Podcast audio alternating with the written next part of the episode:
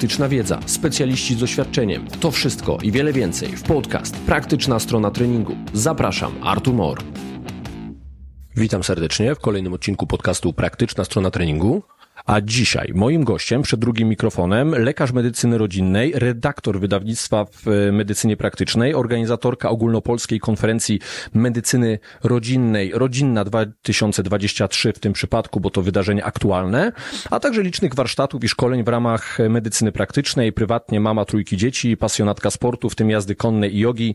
Panie i panowie, ze mną przed drugim mikrofonem Anna Gurda-Duda. Dzień dobry Pani Anno. Dzień dobry, bardzo miło mi tutaj być i cieszę się, że mam przyjemność z Państwem się spotkać. Pani Anno, jak to jest, że y, jedna osoba potrafi robić tyle rzeczy i potrafi robić to w taki sposób, że widać y, nie zmęczenie, a pełnię pasji, no bo bycie lekarzem, bycie organizatorką wydarzeń, bycie redaktorką, y, bycie pasjonatką jakiejś aktywności spoza życia zawodowego, no potrafi być wyzwaniem. To jak ta historia u Pani wygląda? Tak, to prawda. Tak jak pan to zaczął wymieniać, sobie zdałam sprawę, że kilka tych ról w życiu pełnię. Faktycznie mogą one być męczące, natomiast staram się dosyć tak intencjonalnie dzielić w życiu czas pomiędzy to wszystko. Pracę, którą bardzo lubię, moją rodzinę, pasję i czas na jakiś odpoczynek, żeby mnie te moje pasje nie pozabijały. E, ja chciałbym pociągnąć panią e, za język w takim podwójnym kontekście. Pierwszy taki to kim tak naprawdę jest lekarz medycyny rodzinnej i jak wyglądają tematy z tym związane, a drugi to taki związany z tym, jak organizuje się takie przedsięwzięcia i e, jak w ogóle ten pomysł się zrobił, zrodził i tak naprawdę jak to się stało, że lekarz medycyny rodzinnej nagle staje się organizatorem tak dużej konferencji. Ale po kolei. Pierwsza rzecz. Pani Anno, kim jest e, lekarz medycyny rodzinnej? Jaka jest jego rola w ochronie zdrowia? Jakie są kompetencje? Jakie są może oczekiwania pacjentów? i czym tak naprawdę się różni od internisty, bo te dwie specjalizacje lubią być mylone i używane nazwy naprzemiennie, a tam są pewne takie niuanse, o których warto by powiedzieć zasadnicza różnica pomiędzy lekarzem rodzinnym a lekarzem chorób wewnętrznych, specjalizującym się często w jakiejś wąskiej dziedzinie, jest to, że lekarz rodzinny, porównałbym to do tego, że ma wiedzę bardzo szeroką, czasem nieco płytszą, ale wynikającą z tego, że naszym zadaniem jest rozpoznanie choroby, znalezienie niepokojących objawów i wiedza o tym, co z tym pacjentem zrobić, podjęcie decyzji, czy pacjent wymaga leczenia w trybie pilnym, czy możemy go leczyć i diagnozować ambulatoryjnie. Natomiast lekarze specjalności węższych, zwykle to jest, wygląda w ten sposób, że zajmują się zdecydowanie węższą działką medycyny, natomiast ich wiedza jest nieporównywalnie głębsza. Dlatego, że to wynika ze specyfiki tego, czym się zajmują. Na dzień dzisiejszy, patrząc na to, jak szeroką nauką jest medycyna, nie ma możliwości nauczyć się wszystkiego i być na bieżąco z tym, więc stąd taka różnica, myślę, najbardziej obrazowo to przedstawiając. A jaka jest rola lekarza rodzinnego w systemie? Tak jak czasem to było nazwane pierwszy kontakt z pacjentem. To oznacza spotkanie z tym człowiekiem, pierwsza wstępna w ogóle diagnoza, rozmowa, co dalej, w czym jest problem, gdzie ten problem, czyli identyfikacja problemu, czy problem jest natury somatycznej, czy emocjonalnej, a często też rolą lekarza rodzinnego jest bycie może powiernikiem to za dużo powiedziane, ale osobą, z którą pacjent chce porozmawiać. Czasem e, w mojej pracy spotykam się z tym, że pacjent wielokrotnie wraca właśnie tylko po rozmowę. Często są to pacjenci starsi albo są to pacjenci, którzy mają kłopot z tym, żeby o jakichś trudnych dla siebie sprawach opowiedzieć najbliższym. Więc e, w tym momencie jednym słowem nazwać rolę lekarza rodzinnego byłoby mi dość trudno. Myślę, że to jest taka wielokierunkowa działalność i stąd też to bardzo ładnie widać na konferencji, na której tutaj z kolei ja miałam przyjemność pana magistra gościć, gdzie te wykłady są wielokierunkowe. Są zarówno wykłady poświęcone pediatrii, geriatrii, kardiologii, ale też psychologii, psychiatrii, prawu, wykłady z fizjoterapii, ortopedii. O to chodzi z tym spektrum. To spektrum jest bardzo szerokie, ale wiadomo, że my nie będziemy drążyć tematu, tak jak tutaj w przypadku fizjoterapii, dokładnie jakie ćwiczenia, kiedy, w jakiej sytuacji. Ważne, żeby wiedzieć, co jest dobre, co zalecić, czego nie zalecać, co odradzać i kiedy i do kogo kierować. Zawsze, kiedy myślę o lekarzach medycyny rodzinnej albo o internistach, to zawsze nasuwa mi się serial już taki dosyć leciwy, Dr. House, gdzie przez tytułowego bohatera była podjęta próba rozwikłania różnego rodzaju zagadek związanych z chorobami, dolegliwościami danych pacjentów pacjentów. I to była trochę taka zabawa w takiego detektywa medycznego, po jakichś tam poszlakach dążyło się do postawienia dobrej diagnozy i zordynowania właśnie jakiegoś specjalistycznego leczenia. I ja mam właśnie takie wrażenie, że, że tak powinniśmy patrzeć na, na internistów, na lekarzy medycyny rodzinnej, bo wydaje się być to względnie prosty fach, bo tu nie ma tej głębokiej wiedzy, ale ta szeroka erudycja, ten taki holizm i spojrzenie na pacjenta jako w takim szerszym ujęciu, no potrafi być no, game changerem, czymś, co tak naprawdę przesądza o tym, czy ta osoba otrzyma pomoc takiej jak, e, taką, jak powinna otrzymać. Tak, zdecydowanie. Ja myślę, że to jest bardzo fajne porównanie, takie bardzo obrazowe. Wiadomo, że w serialu było to wszystko przerysowane, ale na tym polega film. To ma być ciekawe, ma być interesujące. Natomiast istotnie, lekarz rodzinny to jest taka osoba, która dostaje takiego pacjenta, często, że tak powiem, świeżego. Pacjent przychodzi z jakąś dolegliwością i my musimy zidentyfikować, do czego ją przypiąć do którego narządu, co wyeliminować, zrobić taką pierwszą diagnostykę różnicową, żeby w ogóle temu pacjentowi powiedzieć, co on ma z tym dalej zrobić. Lekarz, e, specjalista często dostaje pacjenta już z jakimś wcześniejszym wskazówkami, rozpoznaniem, kierunkiem działania.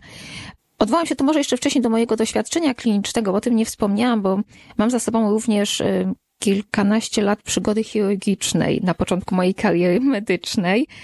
Byłam chirurgiem, pracowałam na chirurgii onkologicznej i dla mnie ten przeskok z kliniki, gdzie ja dostawałam właśnie tego pacjenta zdiagnozowanego wstępnie, to znaczy to był pacjent, który przychodził do nas na przykład z guzem w brzuchu.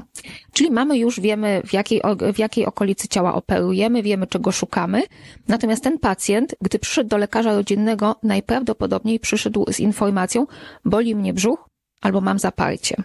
I to jest ta różnica, czyli lekarz rodzinny od tej wstępnej informacji od pacjenta, bardzo ogólnej, musi zidentyfikować, jaka jest przyczyna, lekarz specjalista dostaje już pacjenta wstępnie zdiagnozowanego i idzie po prostu dalej. Ja znowu nawiążę do tego serialu, bo nie daje mi to spokoju. Tam było takie sformułowanie często używane everybody lies, czyli wszyscy kłamią. I moje takie pytanie, e, na ile ludzie w tym pierwszym kontakcie z lekarzem są szczerzy, a na ile zatajają jakieś informacje, które potrafią być kluczowe do podjęcia właściwych decyzji klinicznych i wnioskowania klinicznego.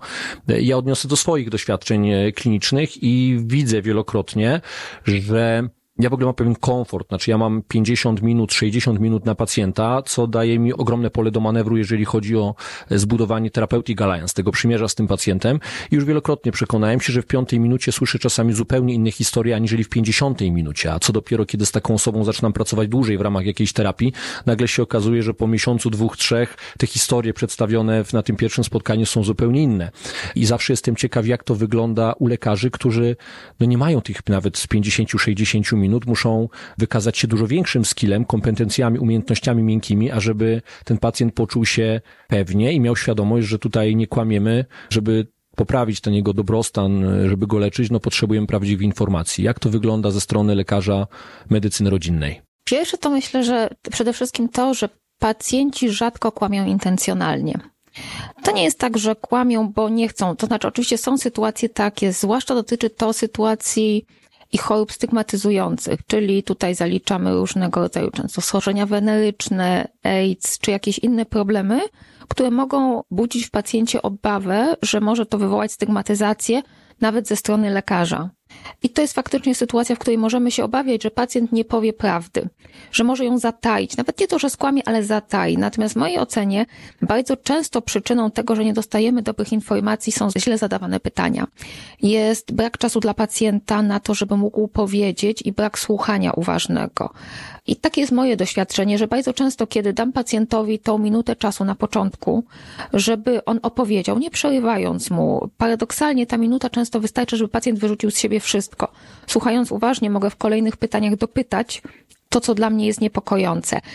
I to jest jeden aspekt tej sprawy. Drugi aspekt to jest taki, że bardzo często faktycznie tak jest, że dopiero na drugiej, trzeciej wizycie odkrywamy to, co leży u podstaw, czyli zaczynamy pełną diagnostyką, a potem nagle się okazuje, że tak naprawdę no, problem przeminął. E, bo problemem było na przykład sytuacja w pracy, a pacjent zgłaszał silne zmęczenie, które dla nas z jakiegoś powodu było niepokojące. I jest też sytuacja taka, że nie dojdziemy do tego my, dochodzi do tego piąty z kolei lekarz, do którego pacjent ze swoim objawem trafia I tutaj też taka, może nie tyle wiedza, co rzecz, której zostałam nauczona przez mojego pierwszego nauczyciela medycyny, żeby nigdy nie oceniać lekarza, który był przede mną. Bardzo łatwo jest być piątym z kolei lekarzem danego pacjenta, kiedy czterech poprzednich już wykluczyło inne problemy, a ja zostaję z takim pacjentem i tutaj nagle się ujawnia moja erudycja medyczna i stwierdzam, tadam, oto mamy rozpoznanie, więc myślę, że to jest problem bardzo, bardzo złożony, ale też bardzo ważny, tak jak pan podkreśla. To ciekawi mnie jeszcze trochę taka ciemna strona tej medycyny rodzinnej. Wyobrażam sobie, że kontakt z tymi pacjentami niezdiagnozowanymi, z szerokim spektrum problemów, e, bycie taką osobą, takim frontmanem, jeżeli chodzi o kontakt z osobą chorą, jest e, dużym wyzwaniem dla utrzymania odpowiedniego poziomu empatii, dla utrzymania w ogóle swojego dobrostanu psychicznego, pracując z ludźmi, którzy, no, którzy mają problem i oni ten problem czasami potrafią przelać na specjalistę, z którym pracują. Czy ryzyko wypalenia zawodowego to realny problem wśród lekarzy medycyny rodzinnej, czy może to raczej taki, no, incydentalne przypadki, bo, bo moje takie przekonanie, ale takie przez moją pokrętną logikę, która mi to podpowiada, że to będzie specjalizacja, która jednak w większym stopniu może być narażona na, na właśnie problem wypalenia zawodowego. Myślę, że tak, choć na pewno nie jest to y, specjalizacja najbardziej obciążona tym problemem. Z mojej perspektywy są specjalizacje, które mogą być nawet trudniejsze w tym zakresie. Może to być chirurgia właśnie, chirurgia onkologiczna, onkologia, gdzie spotykamy się często ze, z własną bezsilnością w obliczu choroby. I odsetek pacjentów wyleczonych jest bardzo niski. Natomiast w przypadku lekarza rodzinnego jak najbardziej jest to specjalizacja, która również łączy się z dużym odsetkiem wypalenia zawodowego wynikającego z obciążenia pracą, obciążenia formalnościami, które się z tym wiążą, stresem wynikającym niestety z kontaktów z płatnikiem nierzadko i narzucanych na nas obostrzeń prawnych i pilnowania różnych rzeczy, które de facto nie są w mojej ocenie po stronie lekarza typu ile pacjent powinien zapłacić za lek. I to jest duży problem, ale też e, tutaj mam takie odczucie, że ważna jest świadomość lekarzy i ona też rośnie o to, w jaki sposób dbać o to, żeby zapobiec temu wypaleniu zawodowemu. Może powiem troszkę na swoim przykładzie, bo to będzie takie y, bardziej konkretne niż opowiadanie o ogółach. Ponieważ przeżyłam raz w swoim życiu wypalenie zawodowe, wiem jak to jest trudne i nie chciałabym tego powtórzyć. Dlatego zaczynając pracę jako lekarz rodziny, która była, medycyna rodzina była moją drugą de facto specjalizacją, bardzo zaczęłam dbać o swoją higienę pracy.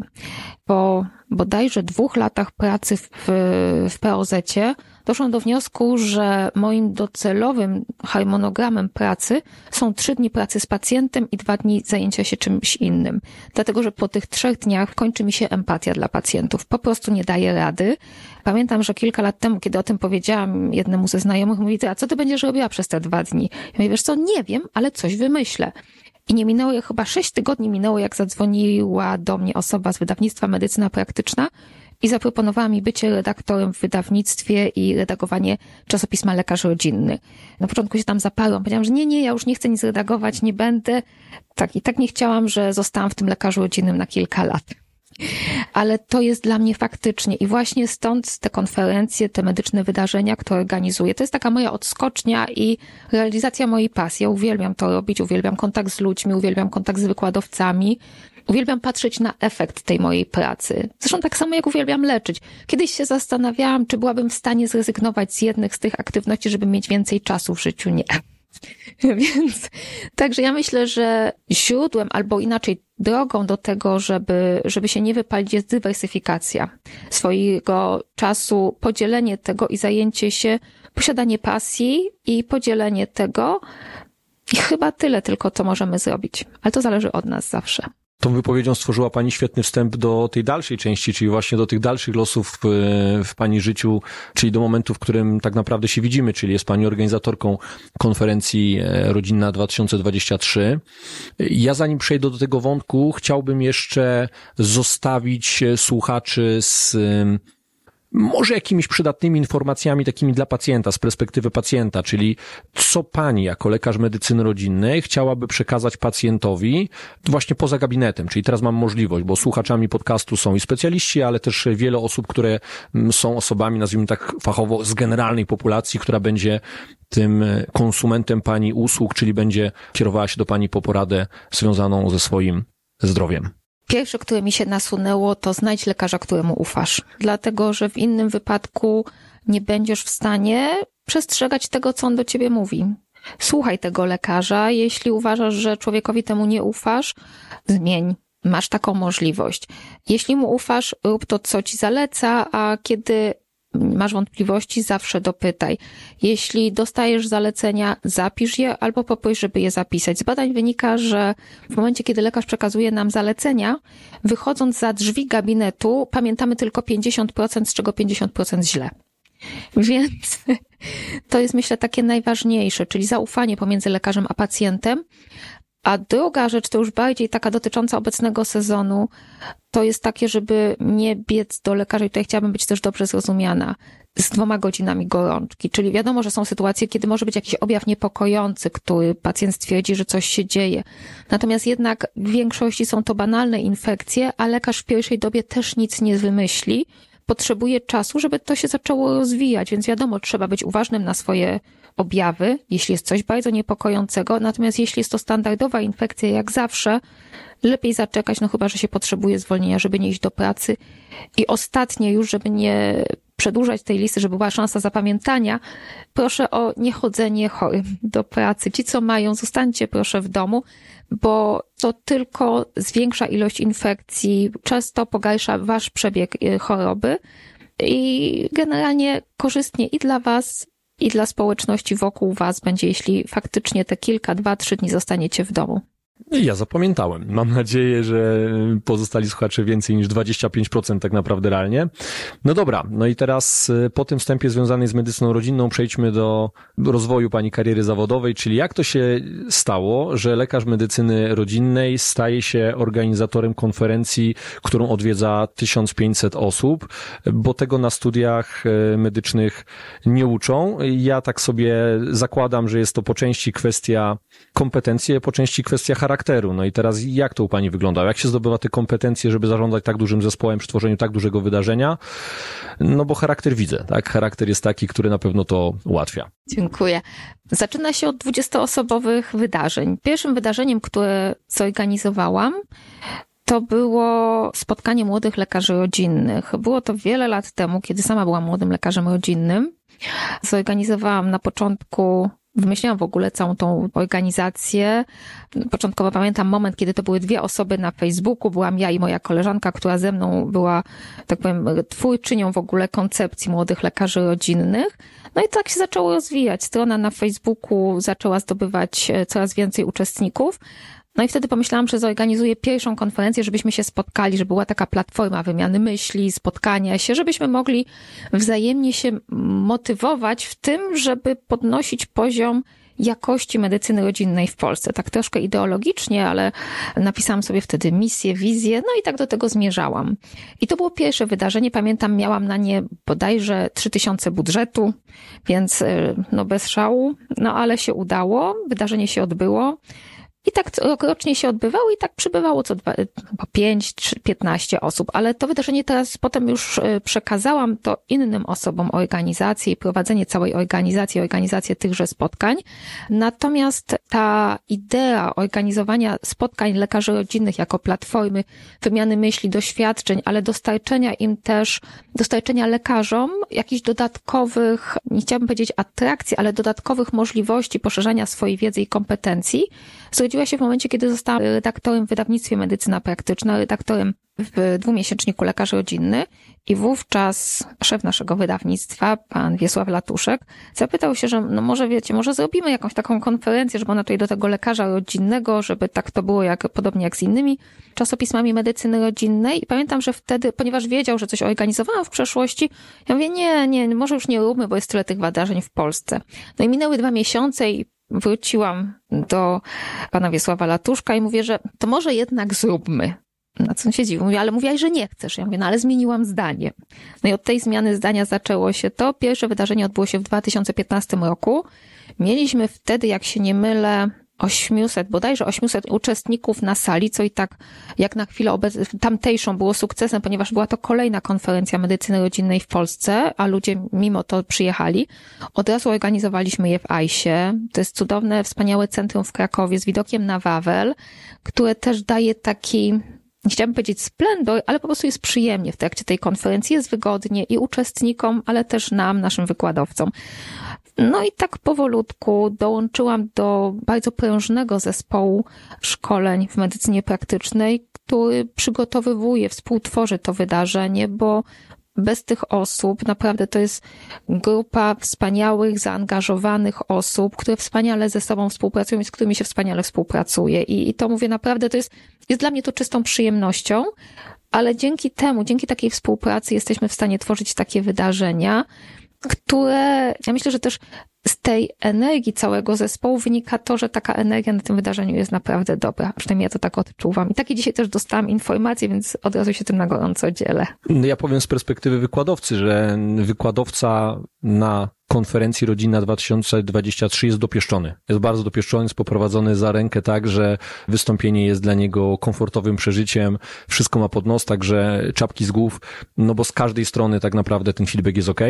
No właśnie, no skoro ja już trochę też zacząłem mówić o, o moim wystąpieniu na, na konferencji, to, to mnie zawsze ciekawi, jak to jest, że lekarze dostrzegają potrzebę zapraszania między innymi fizjoterapeutów, dietetyków czy innych specjalizacji, które nie są specjalizacjami lekarskimi, a które pracują z zdrowiem, czy tam z dobrostanem psychofizycznym drugiego człowieka. Ja to sobie bardzo cenię, natomiast odniosę to też do bliższej mnie specjalizacji, czyli tej związanej z aparatem ruchu, czyli taka fizjoterapia ortopedyczna, czy sama ortopedia, gdzie po dziś dzień ta fizjoterapia bywa mocno niedoceniana przez ortopedów. Zresztą może, żeby nadać nieco pikanterii mojej wypowiedzi, dopiero od dwóch lat w ramach konferencji chociażby Polskiego Towarzystwa Artroskopowego dopiero regułą stało się, że jest y, założona sekcja fizjoterapii, no tej fizjoterapii ortopedycznej i lekarze widzą potrzebę ścisłej współpracy z fizjoterapeutami. Także jak otrzymałem telefon, y, właściwie telefon, tam był kontakt mailowy, ale jak otrzymałem kontakt do pani, to mówię, wow, medycyna rodzinna dostrzega y, potrzebę przekazywania lekarzom informacji, które ja gdzieś propaguję. No było to bardzo miłe dla mnie zaskoczenie, także kto jest za to odpowiedzialny?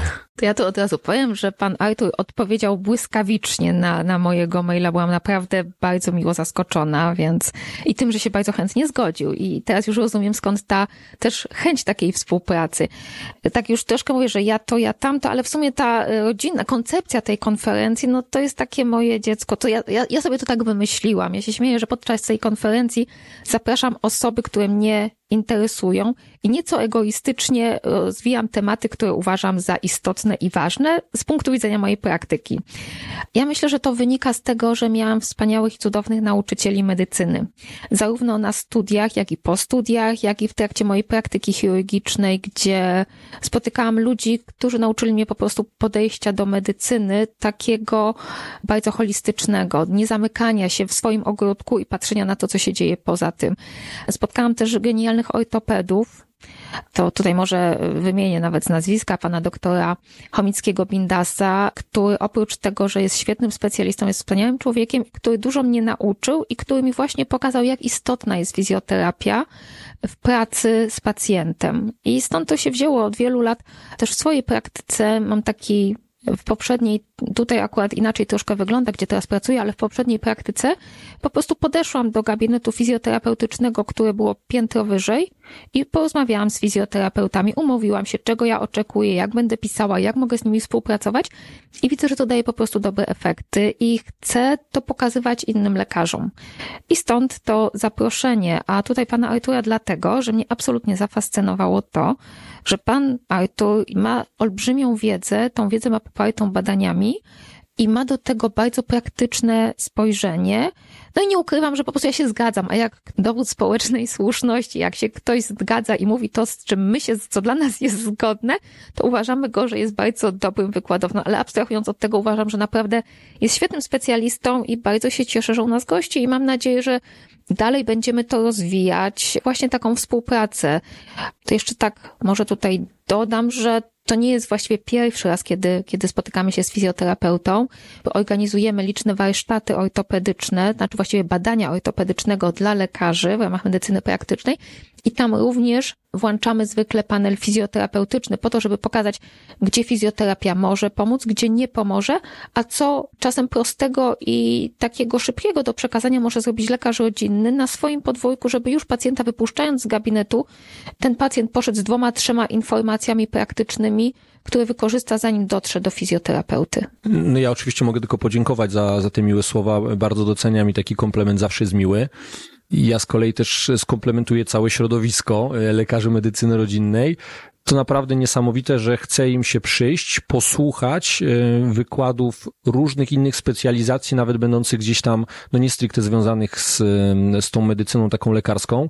I to są osoby szczerze zaangażowane, czyli one jeszcze dopytują po wykładach. To jest też taki fajny dowód tego, że te wykłady nie są tylko odbębnione, tylko są to osoby zaangażowane, bo widziałem, że nie tylko ze mną, ale również z innymi wykładowcami nawiązywały się bardzo ciekawe rozmowy w kuluarach i ta żądza wiedzy jest. Super, to, to jest dla mnie bardzo budujące, że lekarze takiego pierwszego kontaktu czują tą odpowiedzialność i czują tą potrzebę. Pani Anno, ja nie będę przedłużał. Niespełna 30 minut rozmowy za nami, ale nagrywamy tą rozmowę w czasie jeszcze trwającej konferencji. Wiem, że jest Pani zaangażowana w wiele obowiązków. Cieszę się, że udało się Panią na chwilę wyrwać. No i mam nadzieję do zobaczenia na kolejnych wydarzeniach, między innymi na Rodzinnej 2024. Również mam nadzieję, że się zobaczymy. Bardzo dziękuję. Bardzo mi było gościć u Państwa. Bardzo mi było być gościem podcastu i w takim razie, no cóż, e, ja wracam do swoich obowiązków, a Państwu życzę miłego dnia, kiedykolwiek tego słuchacie. Dołączam się do tych życzeń. Wszystkiego dobrego, do usłyszenia. Trzymajcie się, hej. Odsłuchałeś odcinek podcastu Praktyczna strona treningu. Jestem właściwie pewien, że zainteresuje Cię mój drugi podcast o nazwie Praktyczna strona dietetyki. Polecam Artur Mor.